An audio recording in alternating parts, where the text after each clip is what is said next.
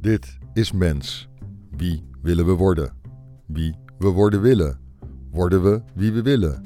Wie we worden willen. Daar hebben we het elke aflevering over. En deze en nog een aantal nieuwe afleveringen hebben we samen opgenomen met NWO, het domein sociale en geesteswetenschappen.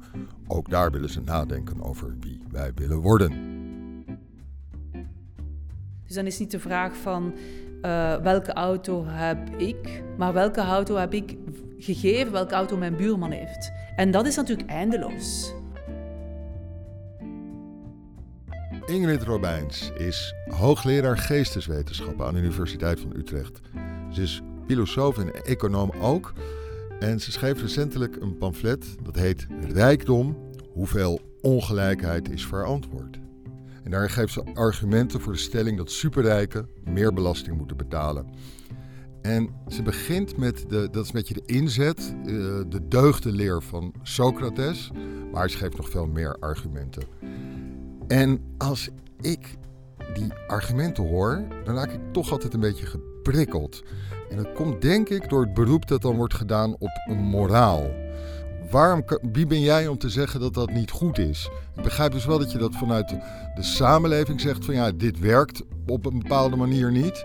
Maar zodra je dan op een moralistische manier gaat zeggen van dit mag niet, want dit hoort niet bij het uh, volle mens zijn. Want een mens is pas deugdelijk als hij alleen geld heeft voor waar hij zelf aan moet werken.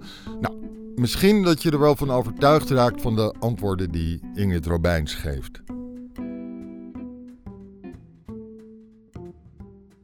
Ingrid Robijns, welkom in de podcast Mens, wie willen we worden?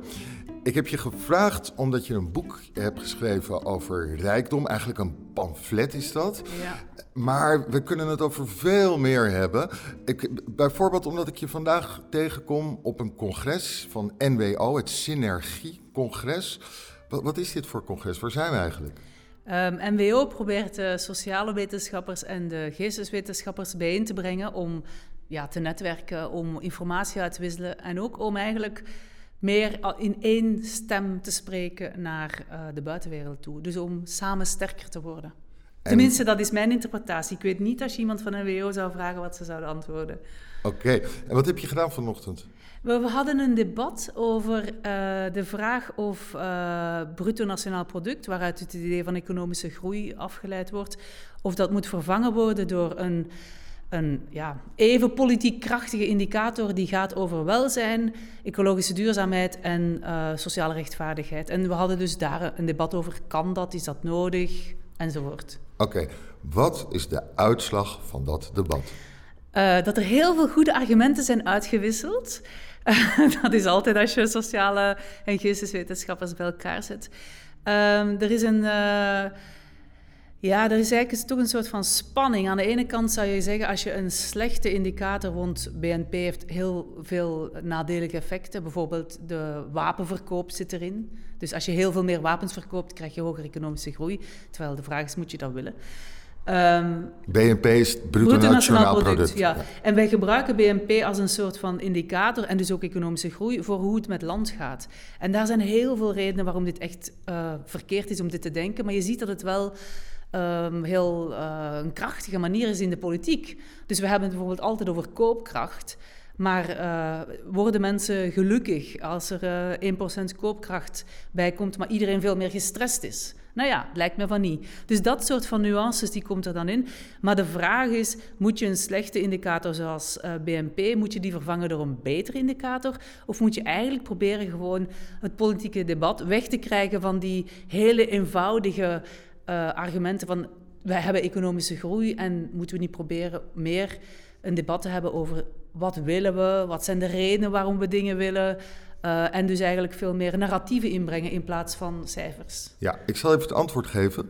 Ik denk aan dat wat jij zegt als laatste zeer wenselijk is, maar dat het eerste veel praktischer is. Is er een ander cijfer mogelijk? Ja, er zijn andere cijfers. Dus je hebt de uh, Human Development Index, die sinds 1990 door de Verenigde Naties uh, wordt um, gemaakt. Uh, daar zitten drie grote dimensies in: gezondheid en levensduurzame, opleiding en onderwijs en ook toch wel een vorm van koopkracht, een soort van gemodificeerde vorm, die, omdat je natuurlijk uh, ook wil weten in hoeverre kunnen mensen gewoon uh, eten kopen en een dak boven hun hoofd enzovoort.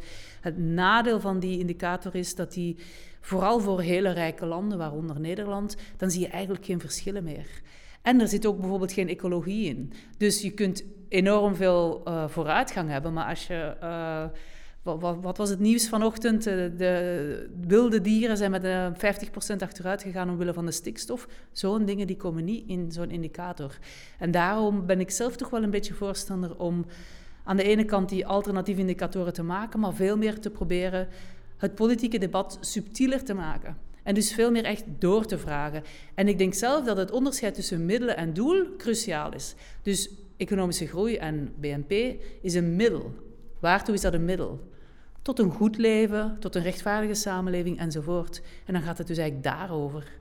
En dan moet je dus ook vragen van wat zijn de andere dingen die we nodig hebben voor een goed leven. Ik wil niet heel erg uh, depressief klinken, maar krijg je dan niet dat een uh, steeds kleiner groep, wordend groepje sociale en geesteswetenschappers met elkaar in zaaltjes gaat vertellen van nou dat de BEP dat is toch een slecht cijfer en dat moet die politiek moet dat eens geloven.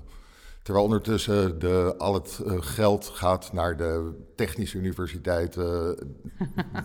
van ja, ja ik, snap, ik snap je pessimisme. Um, ik denk zeker die Human Development Indicator, die heeft echt wel politieke impact gehad. We hebben gewoon ontwikkelingslanden waar dat gewoon de maatstaf is geworden voor, voor beleid. Uh, en wat heel interessant is, is een recente ontwikkeling waarbij een aantal landen, waaronder meest prominent Nieuw-Zeeland, die hebben besloten dat ze dus eigenlijk welzijn, well-being als de maatstaf voor hun beleid willen nemen. Dus zij willen veel meer naar die niet-materiële componenten kijken en ook naar ecologische componenten. Uh, dus ik denk wel dat dat wel doorcijpelt, maar je blijft wel in de samenleving een spanning hebben tussen de mensen die eigenlijk uh, ja, alle discussies over het goede leven en de goede samenleving heel erg materieel bekijken. En de mensen die zeggen nee, we moeten dit veel breder trekken en we moeten kijken naar kwaliteit van sociale relaties, naar uh, ja, welbevinden, mentale gezondheidsklachten, uh, dingen zoals stress en uh, sociale cohesie enzovoort. En die, dat, eigenlijk is dat een strijd over, als je het zou willen, over ideologieën. Maar ik denk dat die onvermijdelijk is. En uh, wat de sociale en geesteswetenschappers daaraan kunnen bijdragen, is wij doen onderzoek over deze dingen. Dus wij kunnen dan het debat voeden. Oké, even voor mijn beeld. Wat, heb je, wat, wat doe je overdag? overdag? Uh, kijk, ik kan antwoorden. Ik uh, lees teksten, ik redigeer teksten, ik geef commentaar op teksten van studenten en promovendi. Ik schrijf. Maar natuurlijk is jouw vraag van wat doe je qua inhoud? En uh, ik ben een uh, politiek filosoof die zich bezighoudt met normatieve vragen. Dus dat vragen over het goede leven en de rechtvaardige samenleving. Maar ik heb ook een achtergrond in economie, dus ik probeer heel erg een soort van uh, filosofisch onderzoek te doen dat empirisch geïnformeerd is, dat dus echt vertrekt van de praktijk. En ik probeer um, argumenten aan te dragen of inzichten die mensen in de samenleving kunnen gebruiken wanneer ze zelf gaan beslissen van wat wil ik met deze samenleving. Okay. En daar hebben we natuurlijk als burger allemaal een stem in. En je doet dat in Utrecht? Ja.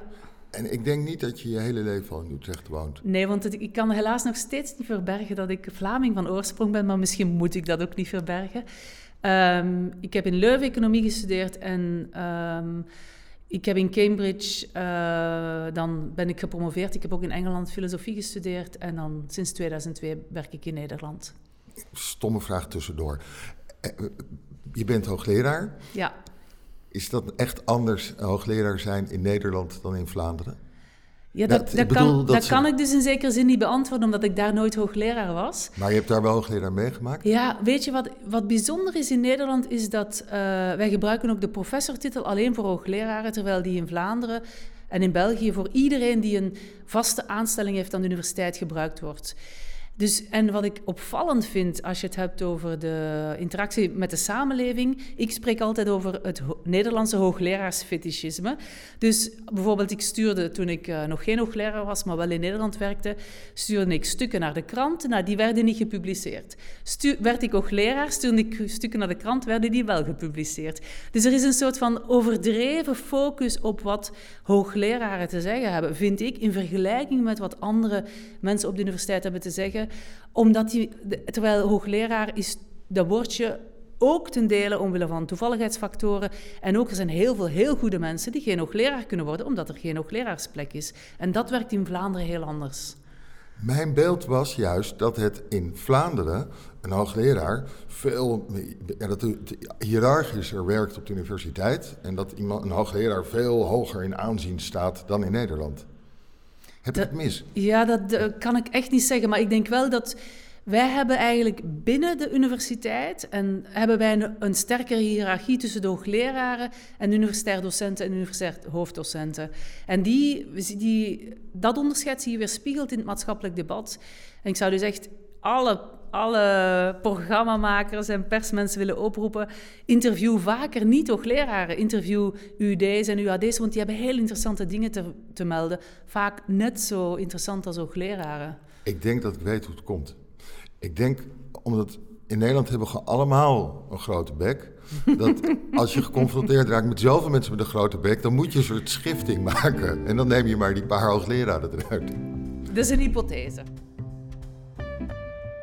Gaan het even hebben over het pamflet, als je mhm. dat goed vindt.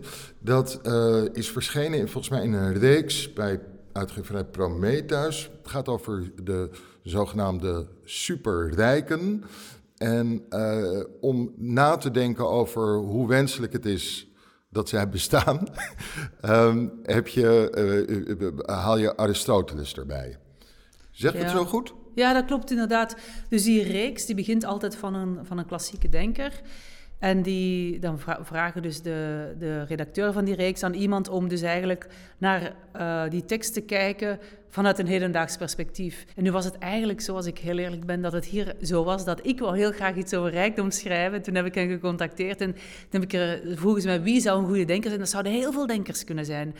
Want ik heb uh, toevallig net een, uh, een, academisch stuk af met een uh, collega van mij, Matthias Kram, waarin we doorheen de geschiedenis van, van de westerse filosofie zijn gaan kijken naar wie heeft er kritische dingen gezegd over het bestaan van extreme concentratie van rijkdom. Nee, dat vind je dus doorheen de hele geschiedenis. Aristoteles, Plato, Thomas van Aquino, maar ook liberale denkers zoals John Locke, uh, John Stuart Mill, die pleiten voor een um, een erfbelasting waarbij je gewoon een beetje kunt overerven en daarna gaat, wordt gewoon afgetapt, afgekapt. Dus dat zijn dingen waarvan we vandaag de dag zouden denken, oeh, dat, was een libera dat is dus een van de kanonische figuren van het liberale denken.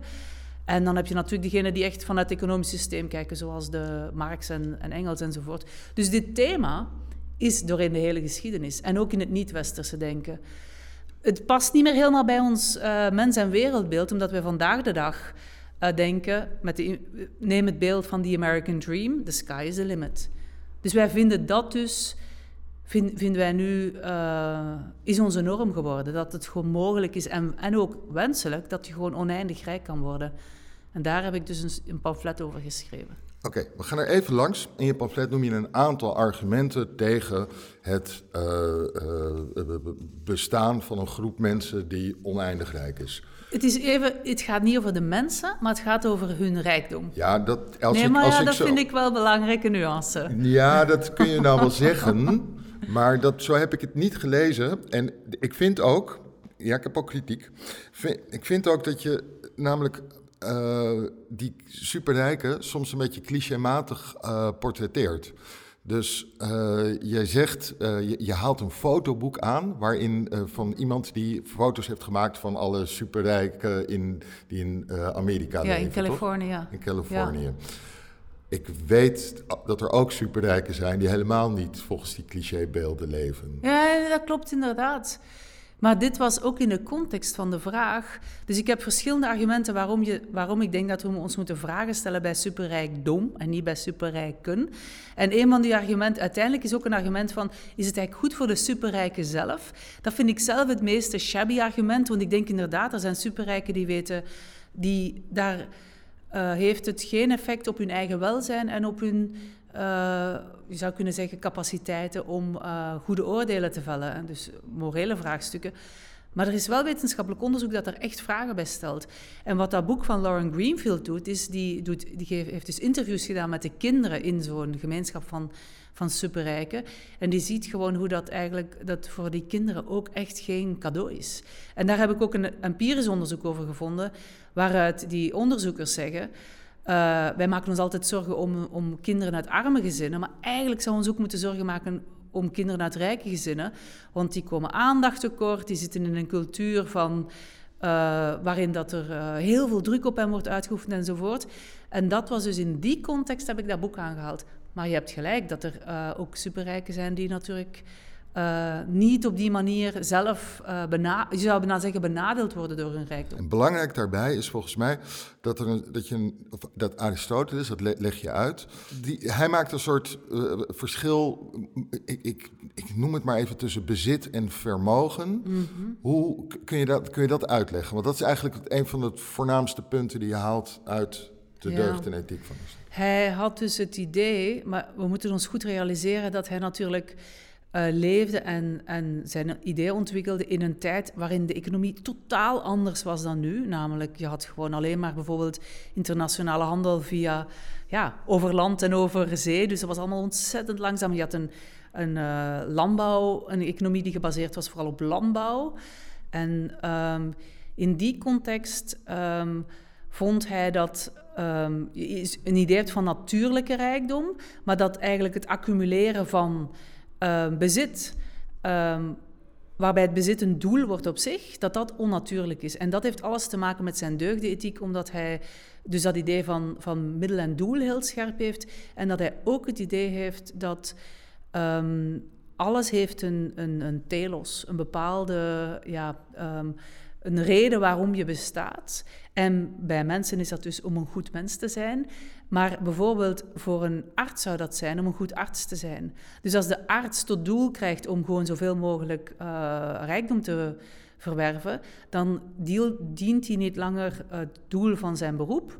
En dat vindt hij dus vanuit zijn deugdenethiek um, verwerpelijk.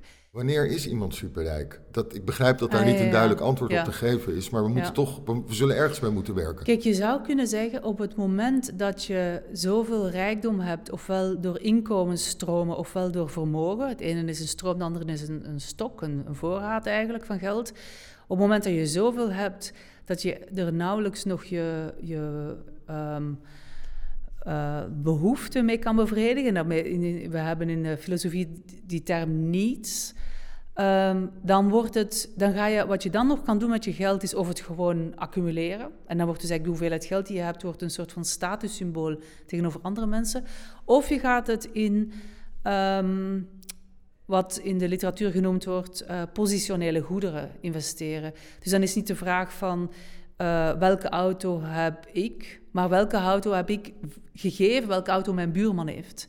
Dus eigenlijk de, de soort van symbool, het, het symbolische wat je over uh, status um, kan um, helder maken aan de andere mensen omwille van de specifieke consumptiegoederen die je hebt. Dus er zijn economen zoals uh, Veblen, die hebben daar vroeger ook over geschreven, over dat consumptie niet alleen gaat over echt het bevredigen van basale behoeften, maar ook over status. En dat is natuurlijk eindeloos. Begrijp ik. En, en, daar, en je zou dus kunnen zeggen, op het moment dat je eigenlijk zoveel geld hebt dat je een volledig goed leven leidt, alles wat je daarboven hebt, is eigenlijk um, surplus geld. En wat interessant is, en ik, ik, dat, misschien, ik weet niet meer zeker of dat in het boekje staat, heb met collega's van economische sociologie hebben een onderzoek gedaan onder de, de Nederlandse bevolking, dus een steekproef, waarin we wouden kijken of dat idee van er is ergens zo'n soort van grens, ook al is die niet heel precies gedefinieerd, of dat mensen dat een plausibel idee vinden. Want ja, ik had dat als filosoof, dacht ik van dit is eigenlijk, dat zou je kunnen zeggen, net zoals je een armoedegrens hebt, heb je op een bepaald niveau een rijkdomsgrens. En we waren benieuwd of dat de bevolking dat, zou, ehm, dat idee zou onderschrijven. 96,5% van de respondenten trok zo'n lijn. Dus er was maar 3,5% die eigenlijk zei: nee, dit kan je niet doen. Maar wat natuurlijk wel is, is dat waar de mensen die lijn trekken verschilt. En nu hebben mijn... Uh... Sorry, sorry, jullie hebben gevraagd, kun je een lijn trekken? Ja, dus we, waar, vanaf wanneer iemand te rijk is? Ja. En toen zei 96% ja, dat kan ik nee, doen. Nee, nee, maar de manier zoals we dat... Zo hebben we het natuurlijk niet gedaan. Dit is de conclusie van het onderzoek. Maar als je me vraagt hoe hebben we het onderzoek opgezet... We hebben de mensen tien omschrijvingen gegeven van de levensstandaard van gezinnen. En we hebben gevraagd, hoe klassificeer jij dit gezin? Arm, oké, eh, niet arm, maar ook niet welvarend. Welvarend, zeer welvarend, zo rijk. En dan werd, dat omschreven als zoveel uh, welvaart heeft, zoveel rijkdom heeft een persoon niet nodig. En dus dan kun je dus zien of als, die, als de respondenten ergens uh, en die, die vignetten, dus die gezinsomschrijvingen, waren in oplopende mate van rijkdom. En, als ze, en dan kun je dus ook zien of mensen consistent zijn in hun antwoorden, en dat zijn ze bijna allemaal. En als mensen op een bepaald moment overgaan van zeer welvarend naar te rijk, dan kun je, weet je dus dat ze daar de rijkdomsgrens trekken. En dat doen mensen dus. Dus mensen hebben intuïtief een idee, nee, dit is gewoon te rijk. Ja. In de zin van, hier heb je zoveel, dat heb je gewoon niet nodig. Ja, alleen ik word hier meteen. Uh, ik, ik, hoorde je ook het woord goed gebruiken, hè, wanneer, wanneer je goed kunt leven. Um, ik kan me voorstellen dat als je genoeg geld hebt om een Tesla te kopen, dat je dan een beter, goed leven hebt dan iemand die alleen geld heeft om een dieselbrommetje te mhm. kopen, dat het uh, de boel heel erg vervuilt. Klopt. Dus wat, wat, wat, is het, ja, wat is het om van mij te zeggen dat iemand die veel geld heeft niet goed leeft? oh, maar het gaat niet over dat je niet goed leeft, maar wel over dat je je kwaliteit van leven, kan je kwaliteit van leven op een een objectieve in maatstaf van het goede leven, kan die nog omhoog of niet? Weet je, je kunt als... Maar voor jezelf, je eigen persoonlijke leven. Dat is subjectief. Ja. Dus en daar, onze maatstaf is een objectieve maatstaf. In de zin, en met objectief bedoelen we uh, dat we daar, dat we um, um, vraag stellen naar um, de levensstandaard van mensen. Stel je hebt geen auto, dan is het zeker een verbetering van je levensstandaard dat als je een auto wilt, dat je erin kan kopen. En stel je hebt een gezin en er zijn meerdere mensen met een rijbewijs, zou je kunnen zeggen. Het is vanuit hun perspectief ook beter dat ze een tweede auto kunnen kopen. Maar wat met drie of vier auto's? nee, de vraag is waarom kan je dan zeggen dat is niet goed? Omdat het niets meer toevoegt aan de kwaliteit van leven van mensen. Van een persoon? Ja, wat het nog wel kan doen, is dat het dus die... Um, dus het verschil is ook oké, dit gaat echt in, in uh, best ingewikkelde filosofische theorieën, maar je hebt dus verschillende ideeën van welzijn of kwaliteit van leven. Je hebt objectieve uh, benaderingen, die kijken dus nu wat kan je doen met het geld dat je hebt of met enzovoort. En je hebt de subjectieve, die gaat over kan ik wat ik wil, kan ik dat krijgen. Dus dat gaat over de mate waarin je je voorkeuren kan vervullen. Dat is eindeloos. Dus op, als je dus die tweede neemt en je zegt van wat er toe doet is mensen kunnen doen wat ze willen. Het maakt niet uit wat ze willen, maar de mate waarin ze dat kunnen doen, dan kun je nooit een rijkdomsgrens trekken. Ja. Want mensen kunnen altijd iets anders willen. Weet je? Als ik uh, dus bijvoorbeeld... Dan kom je bij die positionele Ja, en, en je, kun, je kan natuurlijk zeggen van... Um, ik heb een, uh, een privéjacht van, van 1 miljard, maar ik wil er een van 2 miljard. Ja, dan, dat is dus dat, dat is eindeloos. Ja.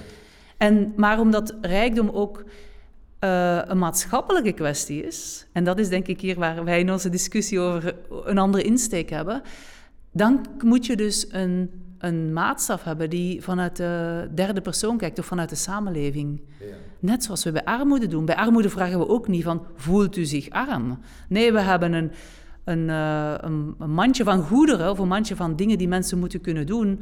uh, voedsel en, en woning enzovoort. En dan bepalen wij als samenleving, u bent arm of u bent niet arm. En diezelfde benadering zou je kunnen, kunnen uh, hanteren naar rijkdom toe. Ja, ik geef toe dat ik een beetje, beetje uh, al in me een soort oordeel heb, heb zitten. Dat, ik, dat is niet, misschien niet goed van mij. Maar uh, ik heb de verschillende argumenten van je doorgenomen. En bij elk heb ik een soort recalcitrantie. En wil ik denken van ja, ja waarom... He, laat, laat mensen met rust. Het gaat niet om het ja. bedrag, het gaat om hun gedrag. En Terwijl ik een ander argument heb tegen grote rijkdom. En dat is gewoon te grote scheefgroei. Uh, maakt de samenleving kapot. Omdat er mensen, ja, dan komen mensen in opstand. Die worden straks helemaal gek. Ja, maar dat is ook een argument. Ik heb ook niet alle argumenten opgeschreven. Maar dit is een argument dat er niet in staat. Okay. Maar dit klopt. Sociale stabiliteit. Maar ik vind dat eigenlijk bijna. Dus dat is bijna een soort van dreigen naar de extreemrijken. Luister eens, als jullie blijven zo verder gaan... Want wat we nog niet hebben benadrukt is dat de ongelijkheid wordt steeds ongelijker. Dus sinds de financiële crisis, als je kijkt naar wie heeft er sindsdien... Uh, van de, de bijkomende economische groei, wie heeft daarvan gekregen? Dat zijn dus de 0,1% en 1%. Ja. En dus de ongelijkheid wordt steeds groter. Dus vorig jaar de quote top 500. Je moest uh, als ik me goed herinner, dit is uit mijn geheugen, maar volgens mij zijn de mensen die in de quote top 500 zijn, zijn met, hun vermogen is met 11% toegenomen. Nou ja, dat geldt dus voor ons allemaal niet. Dus wie, wie inkomen krijgt uit, uit arbeid, die kan niet um, een uh, vermogenstoename krijgen van, met zo'n percentage. Dus dat gaat over enorme vermogens die ook in staat zijn om veel grotere uh, ja, returns te krijgen dan als je alleen maar wat spaargeld hebt. dus dat is wel de context waar we, waarbinnen we deze discussie moeten voeren. Dat we dus, en dat gaat terug op het werk van uh, Piketty. Piketty, dat dus eigenlijk die ongelijkheid die we nu zien, die begint steeds meer terug te, te, eruit te zien zoals de ongelijkheid die we hadden um, voor uh, de wereldoorlogen. En um, dat heeft allemaal nadelige effecten. En die, die effecten beschrijf ik ook wel in het boek. Onder andere uh, gevolgen voor de democratie, die ik toch um, niet onbelangrijk vind. Maar ook, um, Piketty heeft bijvoorbeeld ook, een, ook argumenten over... Uh, we moeten allemaal, moeten we... Um, we hebben allemaal die enorme uitdaging om de wereld ecologisch duurzaam te maken. Maar als jij het consumptiepatroon hebt van een hele rijke persoon, dan geef je gewoon 30 keer zoveel emissies als iemand anders. Ja, en dat, gaat dus over een maatschappelijke kwestie. Dit gaat niet over persoonlijke voorkeuren. Nee, maar dat, dat, daar, was ik daar was ik het nou echt niet mee eens. Niet alle mensen die heel erg veel geld hebben, hebben ook uh, meteen een hele grote ecologische voetafdruk. Dat zijn een bepaald type smakeloze, vervelende, nare mensen. En je zou dat gedrag moeten afstraffen, maar niet het bedrag dat erachter ligt. Dus er zijn ook heel veel rijke, hele rijke mensen die juist zorgen, ja, die kopen de Tesla en die zorgen dat ze juist, op die steken hun geld op allerlei manieren in e verbetering van de ecologie. Ja, maar wat dus die uh, empirische studies zijn altijd gemiddelde. En uit die gemiddelde blijkt dat, mens, dat dus eigenlijk de, de correlatie tussen uh, welvaart en rijkdom is een positieve correlatie. Dus dat kan best zijn dat er uitschieters zijn. En, maar de vraag is van hoe ziet het gemiddelde uit? Maar je hebt gelijk dat eigenlijk als je het zuiver zou spelen, moet je um, de vervuilende um, handelingen van mensen uh, gaan belasten. Voor iedereen. Ook voor mensen die niet rijk zijn. Want ook de, de middenklasse vervuilen veel te veel op dit moment. Als je dus kijkt naar, uh, als je ervan uitgaat dat uh, de doelen van het Parijsakkoord onze norm zijn. Maar wat we wel de vraag kunnen, waar we wel de vraag kunnen stellen is... We hebben ook een soort van uh, ja, een inhaalslag nodig. We moeten niet alleen in het geval van klimaat die emissies naar beneden krijgen. We moeten ons ook gaan voorbereiden op die klimaatverandering. Dat gaat heel veel geld kosten. Waar gaan we dat geld vandaan halen? En dan denk ik wel dat je een argument kunt maken om, um, ook al ga je een paar rijken hiermee onrecht doen, om wel een soort van crisisbelasting, ecologische crisisbelasting te heffen. Omdat heel veel rijken, en dat argument geef ik ook in het boekje, zouden als de, als de prijzen fair waren geweest, en met fair bedoel ik de uh, milieuschade was in de prijs ingecalculeerd, zouden ze nooit zo rijk zijn geworden. Dus je moet ook gaan kijken naar wat is het proces waarmee die mensen rijk zijn geworden. En het andere punt, en dat is eigenlijk het meest fundamentele filosofische punt dat ik maak, is dat, en dat is eigenlijk het morele punt, verdien je eigenlijk je rijkdom? En daar denk ik, ja, dat maakt dus ook, dus je hebt politieke argumenten, je hebt argumenten over consequenties, maar je hebt ook gewoon de vraag van, stel dat je nu, ehm, zoals Bill Gates of uh, Elon Musk en je wordt echt extreem rijk. Ja. Kun je dan echt zeggen van ik heb dit nu verdiend in de morele betekenis? legt zo iemand uit met de argumenten. Ik heb gezorgd dat dit bedrijf blijft bestaan. Dus dat mensen hier een baan bij hebben. En die uh, betaal ik voldoende, zodat zij uh, hun gezinnen kunnen onderhouden. Bovendien, met mijn geld uh, doe ik allerlei goed. Hè. Bill Gates heeft de Bill Gates eh, Foundation of met zijn vrouw. Um, die mensen hebben allerlei hele deugdelijke argumenten voor zichzelf waarom ze goed doen. Ja, er zijn twee gedachte-experimenten die je zou kunnen doen in antwoord op uh, die, die, imaginaire persoon die jij uh, net voorstelde. Eén gedachte-experiment is: zet die persoon samen met team van zijn vrienden op een uh, onbewoond eiland met heel veel kokosnoten en kijk eens hoe rijk ze daar kunnen worden. Dan zie je dus dat zelfs met je eigen talent en je inspanning je volledig afhankelijk bent van die samenleving, met die infrastructuur, met die wetenschappelijke kennis, met alles wat die voorgaande generaties voor ons hebben opgebouwd, met de samenwerking ook van mensen die een heel gemiddeld uh, loon krijgen. Dus je kan alleen maar superrijk worden in die context. Dus dat betekent, maar wij schrijven dit heel erg toe aan onszelf. Dat is een beetje de tijdsgeest. Wij schrijven successen toe aan het individu, wij schrijven falen toe aan het individu. En een van mijn, uh, van de, de dingen die ik toch uit de filosofie, ook uit de geschiedenis, maar ook uit empirisch onderzoek is, we zouden veel meer moeten terug gaan kijken naar het gaat altijd over de samenwerking tussen individu en, en de context en de samenleving. Dus dat is één gedachte-experiment. Maar het andere uh, gedachte-experiment is ook: stel je zet op die plek iemand anders. Hoe onvervangbaar is die persoon? Dus heel vaak worden er een soort van unieke kwaliteiten toegeschreven aan die CEO die 12 miljoen verdient. Maar dat, de vraag is in hoeverre dat zo is. De vraag is in hoeverre de echte reden waarom zo iemand 12 miljoen verdient, um, is omdat ze in een soort van um, kartel zitten. In de zin van, zij worden vaak ook door hun lonen worden bepaald niet door de markt, maar door een commissie die daarover gaat. En er wordt heel vaak vergeleken met anderen. Dus je krijgt daar een opwaartse spiraal van de lonen die ze krijgen. Maar hoe uniek is het werk dat ze daar doen? Er zijn ook van die CEO's geweest die in interviews hebben gezegd: ja, voor de helft van het geld had ik het ook gedaan. Maar waarom doen ze dat niet? Omdat als ze tevreden zouden zijn met de helft van geld, zouden ze er als een kneusje bij zitten tegenover die andere CEO's die wel 20 miljoen krijgen. Dus daar, dat zijn denk ik de spanningsvelden waar we in zitten. En het gaat denk ik toch heel vaak over de vraag: welk verhaal vertellen wij aan onszelf om iets te rechtvaardigen? Je, je hebt geschreven, volgens economen ligt het optimale maximale belastingtarief ergens tussen 70 en 80 procent. Daar zit Nederland met een hoogste belastingtarief van 53 procent dus nog ver vanaf. Maar dat was wel het hoogste tarief dat tot 1990 van kracht was. 70 à 80 procent. Waarom dus is dat niet? Economen bedoelen daarmee, met, als zij het woord optimaal gebruiken, dan bedoelen ze het tarief waarop je de hoogst mogelijke belastingsopbrengsten hebt. Dat is hoe zij optimaal. Want kijk, als, als ethicus zeg ik natuurlijk, ja, maar optimaal kan ook andere dingen betekenen. Maar dus even in die context. En um, in alle landen is die, uh, hoog, zijn die hoogste belastingstarieven naar beneden gegaan. En je kan daar eigenlijk um, je kan daar, als je dan vraagt van hoe komt dit, kun je daar op twee manieren een antwoord op geven. Je kunt heel precies gaan uitzoeken van wie heeft waarvoor gelobbyd. Maar je kan ook zeggen van ja, dat heeft ook te maken met um, hoe ons idee van het sociale contract over de tijd heen veranderd is.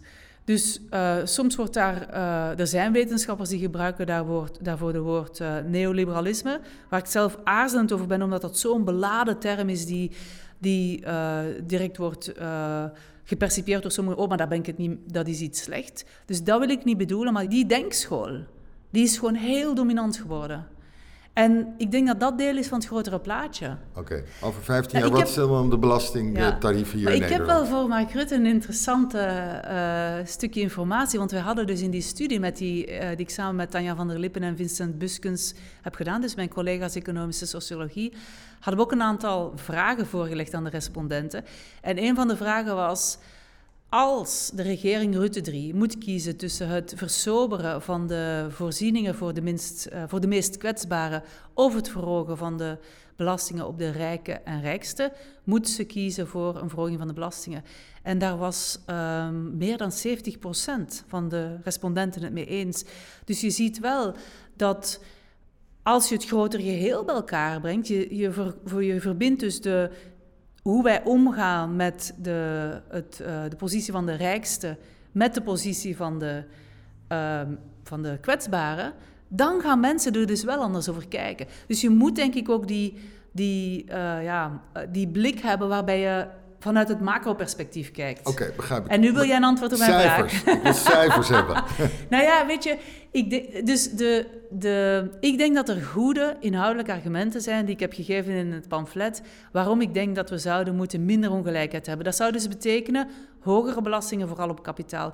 Echter, als je dat nu zou invoeren, dan is er, heb je dus het risico van kapitaalvlucht. Dus wat je eerst zou moeten doen, is proberen ook internationaal te coördineren dat je kapitaalvlucht moeilijker maakt. Maar bijvoorbeeld Nederland faciliteert kapitaalvlucht met die brievenbusfirma's. Dus wij kunnen ook gewoon bepaalde maatregelen doen die ons heel weinig kosten, maar die voor andere landen heel veel belastingsopbrengsten genereren. Dus we moeten gewoon, denk ik, als land uh, minder hiervan redeneren vanuit ons standpunt alleen, maar iets meer vanuit ook het, het collectief van alle andere overheden en alle andere landen. Ja, maar toch heel even terug naar cijfers. Ja.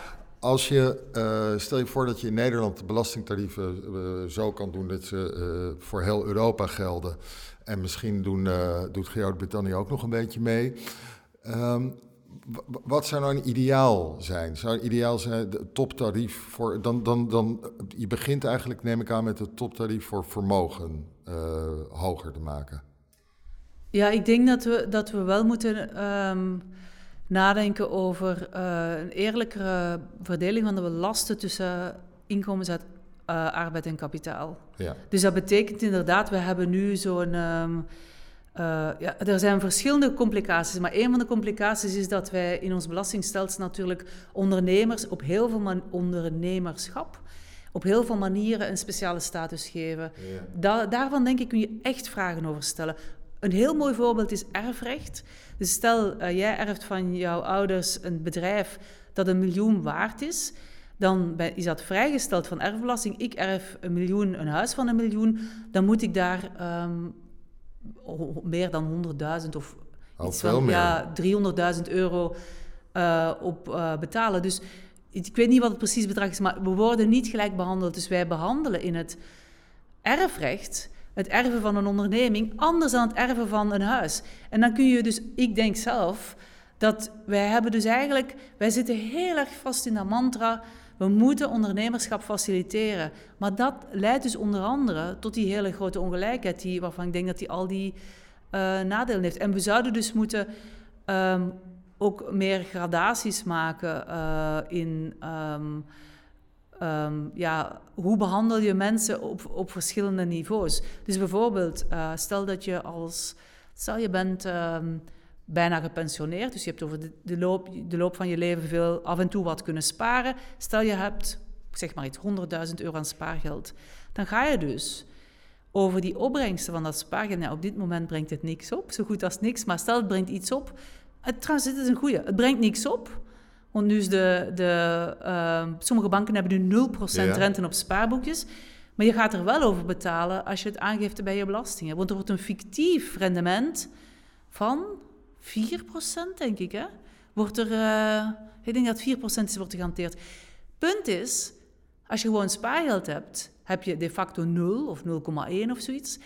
Maar wordt er dus vanuit gegaan dat je 4% hebt, waarop je 30% belasting of een derde belasting moet betalen. Dus je gaat eigenlijk betalen voor iets wat je niet hebt ontvangen.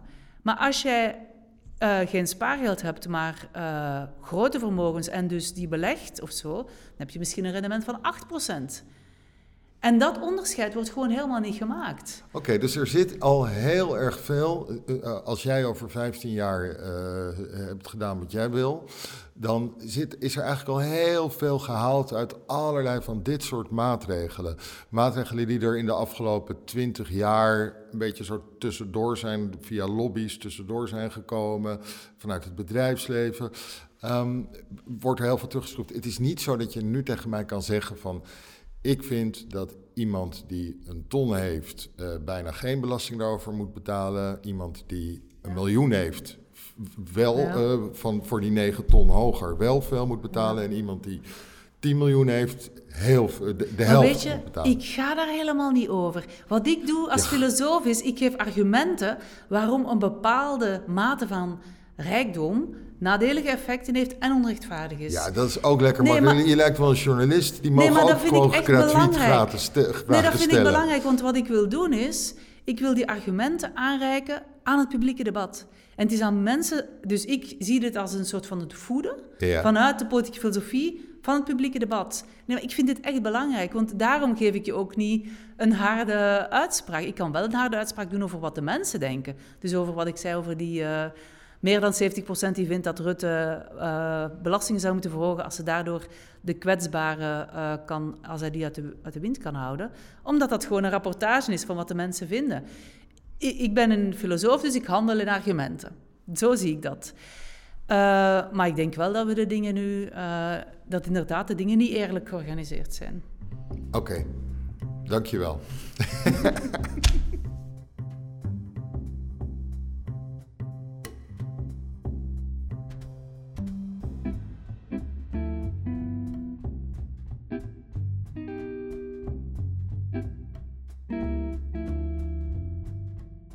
Je luisterde naar Mens, een podcast van Vrij Nederland. Mens wordt gemaakt door Sander Pleij en Micha Melita. Als je hebt geabonneerd, vind je de volgende aflevering als vanzelf in je favoriete podcast-app. Je kunt ook kijken op vn.nl/mens voor de nieuwste aflevering.